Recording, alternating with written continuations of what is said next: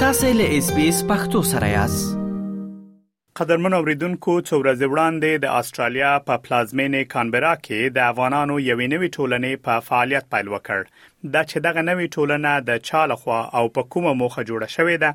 د همدغه موضوع په اړه غواړم د دغه ټولنې د اجرایوي بورډ لغړي خاغلی عبدالخالق ارسلا سره مرکه تر سره کړم ارسلا صاحب ډیر زیاته مننه چې اس پی اس پښتو رادیو ته مو د مرکه لپاره وخت راکړ مننه تاسو نه او تاسو د همکارانو نه چې موږ ته وخت راکړ هغه خپل د ټولنې په حق له تاسو سره خبرې وکړو ارسلا صاحب که په پیل کې مهرباني وکړئ او زموږ لاوریدونکو سره دا معلومات شریک کړئ چې په کانبرا کې د افغانانو لخوا نوي جوړه شوې ټولنه چې د کانبرا د افغانانو ټولنې په نوم یادېږي دغه ټولنه په کومه موخه جوړه شوې ده؟ مخکې دې نه چې د ټولنې په هکله چې په څه موخه جوړه شوې ده، غواړم چې خپلې نېکې هیلې ستاسو او ستاسو ټولو همکارانو او مینوالو د تاسو د رادیو ته وړاندې کوم. څرنګه چې تاسو معلومه ده، زه په دوه زره یوولس تر دوه زره څوارلس پورې د افغانستان سفارت کې د مستشار او د قونسل په صفت باندې مې کار کاوه، په کینبرا کې، البته چون سفارت په کینبرا کې دی. او په هغه وخت کې اکثرا په دې چې ما په قونسلي بخش کار کوو ډېر افغانان سره په رابطه کې ومه او اکثرا چې دراغله سره نو د دې نشټوالي د کمیونټي په کندرا کې دوی سر ټکاو او ویل چې موږ دلته یو ټولنه یا کمیونټي نه لرو نو زه فکر کوم چې دا ډیر اړین و چې په کندرا کې افغانان یو ټولنه ولري چې د هغه چتر لاندې راټول سي او خپل مشکلات یو بل سره شریک کړي نو په دې مخه دا ټولنه مونږ دلته څو کسره ټول سلو چې دا ټولنه جوړ کو او دا ټولنه البته مخکې دینه چې وایم دا یو غیر سیاسي ټولنه ده د دې چې په مخ کې وختو کې که ټولنې جوړ شي او په سیاسي دګر کې دوی اکثرا سره مشکلات درلودو افغانانو او د پدې حساب باندې دوی یو چتر لاندې یو ټولنه لاندې نسو راټولې دی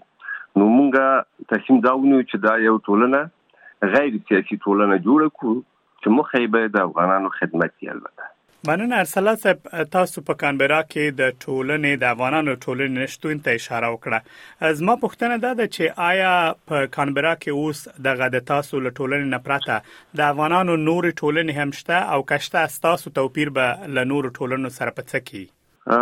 په ډېر درناوي سره زما د معلوماتو په اساس باندې په کانبرا کې دوه ټولنې شته دي البته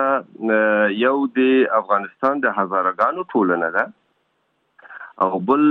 یو ټولنه ده چې د هزارګانو بینالمللي ټولنه یادېږي یعنی په هغه کې مطلب دا دی چې د یوازې د افغانستان هزارګان نه دي د کویټ هزارګان هم دي د نورو منطقې هزارګان هم دي او په زمين کې دلته په دغه دوه ټولنې کې اکثرا تشیع زمونږ د تشیع افغانانو سره راټول شوي دي او هغوی خپل ځان پورې محدود دي نور افغانان په هغه کې بیا څه ونده نه لري سره ارسلا صاحب تاسو ټولنه به په کومو برخو کې فعالیت ولري لکه مخکې چې ما تاسو ته عرض وکړو زمونږ ټولنه یو غیر سیاسي او جانبدار ټولنه ده د مونږ ټولنه په مختلفو بخشو کې البته کار او فعالیت بکی البته په په فرهنګي بخش کې په په ځینې کلتوري بخش کې تعلیمي بخش کې ورزشي بخش کې یعنی دغه دغه څنګه کې مونږ خپل فعالیت کوو او پروګرام هم دی چې په دغه بخش کې افغانانو ته کوو سو کوي څه خدمت وړاندې کوو ارسلاسه بیا پوښتنه چې کېدای شي زموږ د اوریدونکو په ذهن کې هم پیدا شوي هغه دا ده چې تاسو د ټولنې د مالی لګښت لپاره پیسې څرنګه برابروي یا یې له کوم ځای څخه ترلاسه کوئ؟ دا ډېره ښه پوښتنه ده څه دې چې اکثرا په دې تشویش کې سره چې دوی پیسې د کومه کې یو یو تشویش ټول سره نو زه دا پوښتنې په ځواب کې دا سوایم چې د ټولنې مالی لګښت پاکړه د ټولنې اجرایه کمیټې په مالی مرسته دا ټولنه مونږه افتتاح کړې ده یعنی دغه اته کسانو چې اجرایی کمیټه یو په ټولنه کې دوی خپل دغه عاید نه د میاشتې یو څه پیسې تخصیصي او النید په دې چې دا ټولنه افتتاح کې مونږ خامخا څو روپۍ ته پکار درلود څه پیسې پکارو د راجستر لپاره یو بانک اکاونټ هم پکارو نور مسایلو کې مونږ نو تصمیم هم داسو چې خپل مالی امکانات سره دا ټولنه په هغه تمچی به په خو درو او افتتاح کو او مونږه او هماغه تصمیم سره وتوانیدو چې دا ټولنه راجستر کو بانکي اکاونټ ورته جوړ کو حساب ورته جوړ کو او دا ټولنه تر دې حد ورسو چې باید افتتاح کو او دا نور مالی مرسته مونږ ته نه لرو سر د ټولنې د افتتاح په برخه کې بعضو دوستانو او بعض افغانانو مونږ یې سپانسر کړلو البته د ملبورن د سیدنی نه د ملبورن نیازی صاحب مونږ سره همکاري وکړو د د سیدنی نه چې کوم بارکزی صاحب وو څوک وو د سی تجار دی هغه مونږ سره همکاري وکړو نو مونږ ته د نورو ځای نه کوم مالي مرسته تر اوسه ترلاسه کړې نه دی خپل خپل پخو ولاړ یو تر اوسه ارسلا صاحب د استرالیا په نورو ښارونو کې چې د افغانانو ټولنې جوړې شوې دي لکه په ملبورن کې یا سېډني کې هغلته د هغو ټولنو د دې ترڅنګ چې کلتوري فعالیتونه لري یا د ورزش په برخه کې فعالیت لري دوی په دغو ایالتونو کې یو یو جماعت هم جوړ کړی د کچېره سېډني ته وکتل شي د افغانان ټولنې ته یا ملبورن ته وکتل شي آیا ستاسو ټولنه هم د دې ترڅنګ چې نور فعالیتونه بلري داسې پروګرام هم لري پر راتلونکو کې کچېرې وکولای شي څو کال وروسته هلته د افغانانو یو جماعت هم جوړ کړي اصل کې دا ټولنه مخه دوه برخه لري البته یو لن محاله دی یو اوږد مهاله پروګرام دی په لنډمهال پروګرام کې مونږه د کلنیز ملي او فرهنګي پروګرامونو جوړول لري چې البته افغانانو ته غواړو چې دغه ورځي ولمانځو او راټولې کو سره تر یو چتر لاندې او چې حالت دوی یو بل سره وپیژني یو بل سره معرفي سره یو بل مشکلاتو نه خبر سي او په زمين کې په خصوص په خصوص دغه ټولنه په اوس مهال کې ډیر اړین وو د دې چې د تاسو ته معلومه دی چې د افغانستان د تحولاتو نو وروسته ډیر افغانان به ته کډوال سو خارجي ملکو ته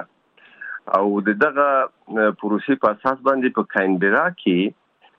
د پخوانه ډیر افغانان دلته ځای پر ځای سو نیو افغانان او چې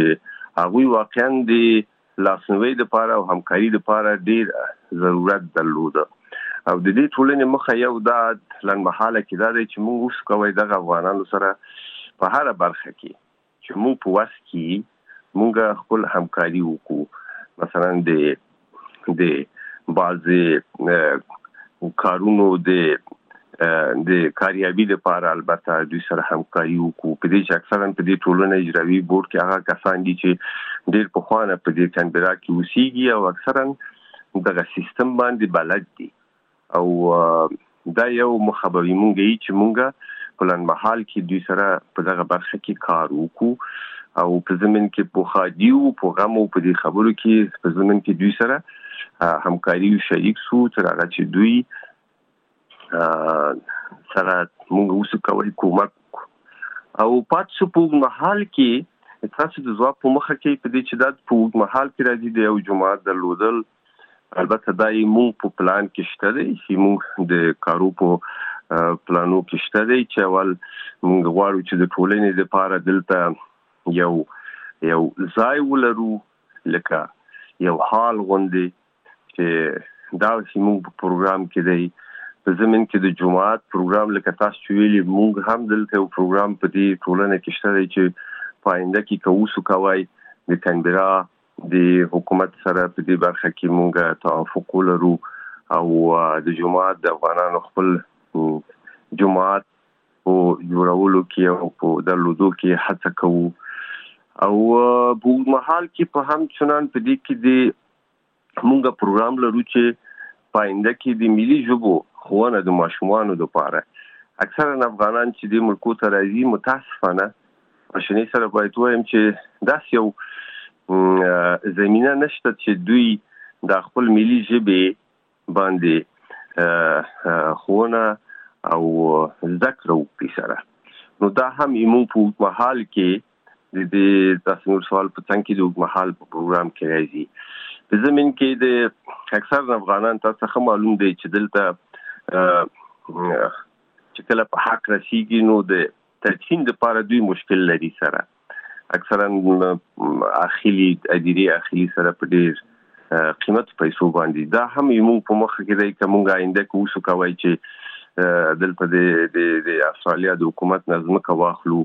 او په زمين کې دغه دغه دغه زمينه دغه سہولت هم افغانانو ته په کندرا کې برابر کو البته دغه د سرور شې چې ویلي دا یمو په محل پروګرام کې شته په کانبرا کې د افغانانو ټولنې د اجرایوي بورډ غړی ښاغلی عبدالخالق قرسلا ډیره زیاته مننه چې د خپل ټولنې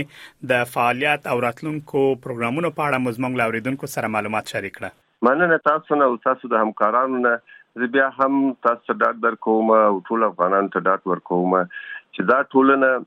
یو غیر سیاسي ټولنه ده او مخه یې خاص خدمت دی هغه په صداقت باندې هغه هم په دې باندې چې موږ په ډېر ښه توګه او په شفافه توګه افغانانو ته خدمت وکړو مننه تاسو نه اس پی اس پختو په فیسبوک کې تا کې پلی مطلب یو فاک کړئ نظر ور کړئ او له نورو سره شریک کړئ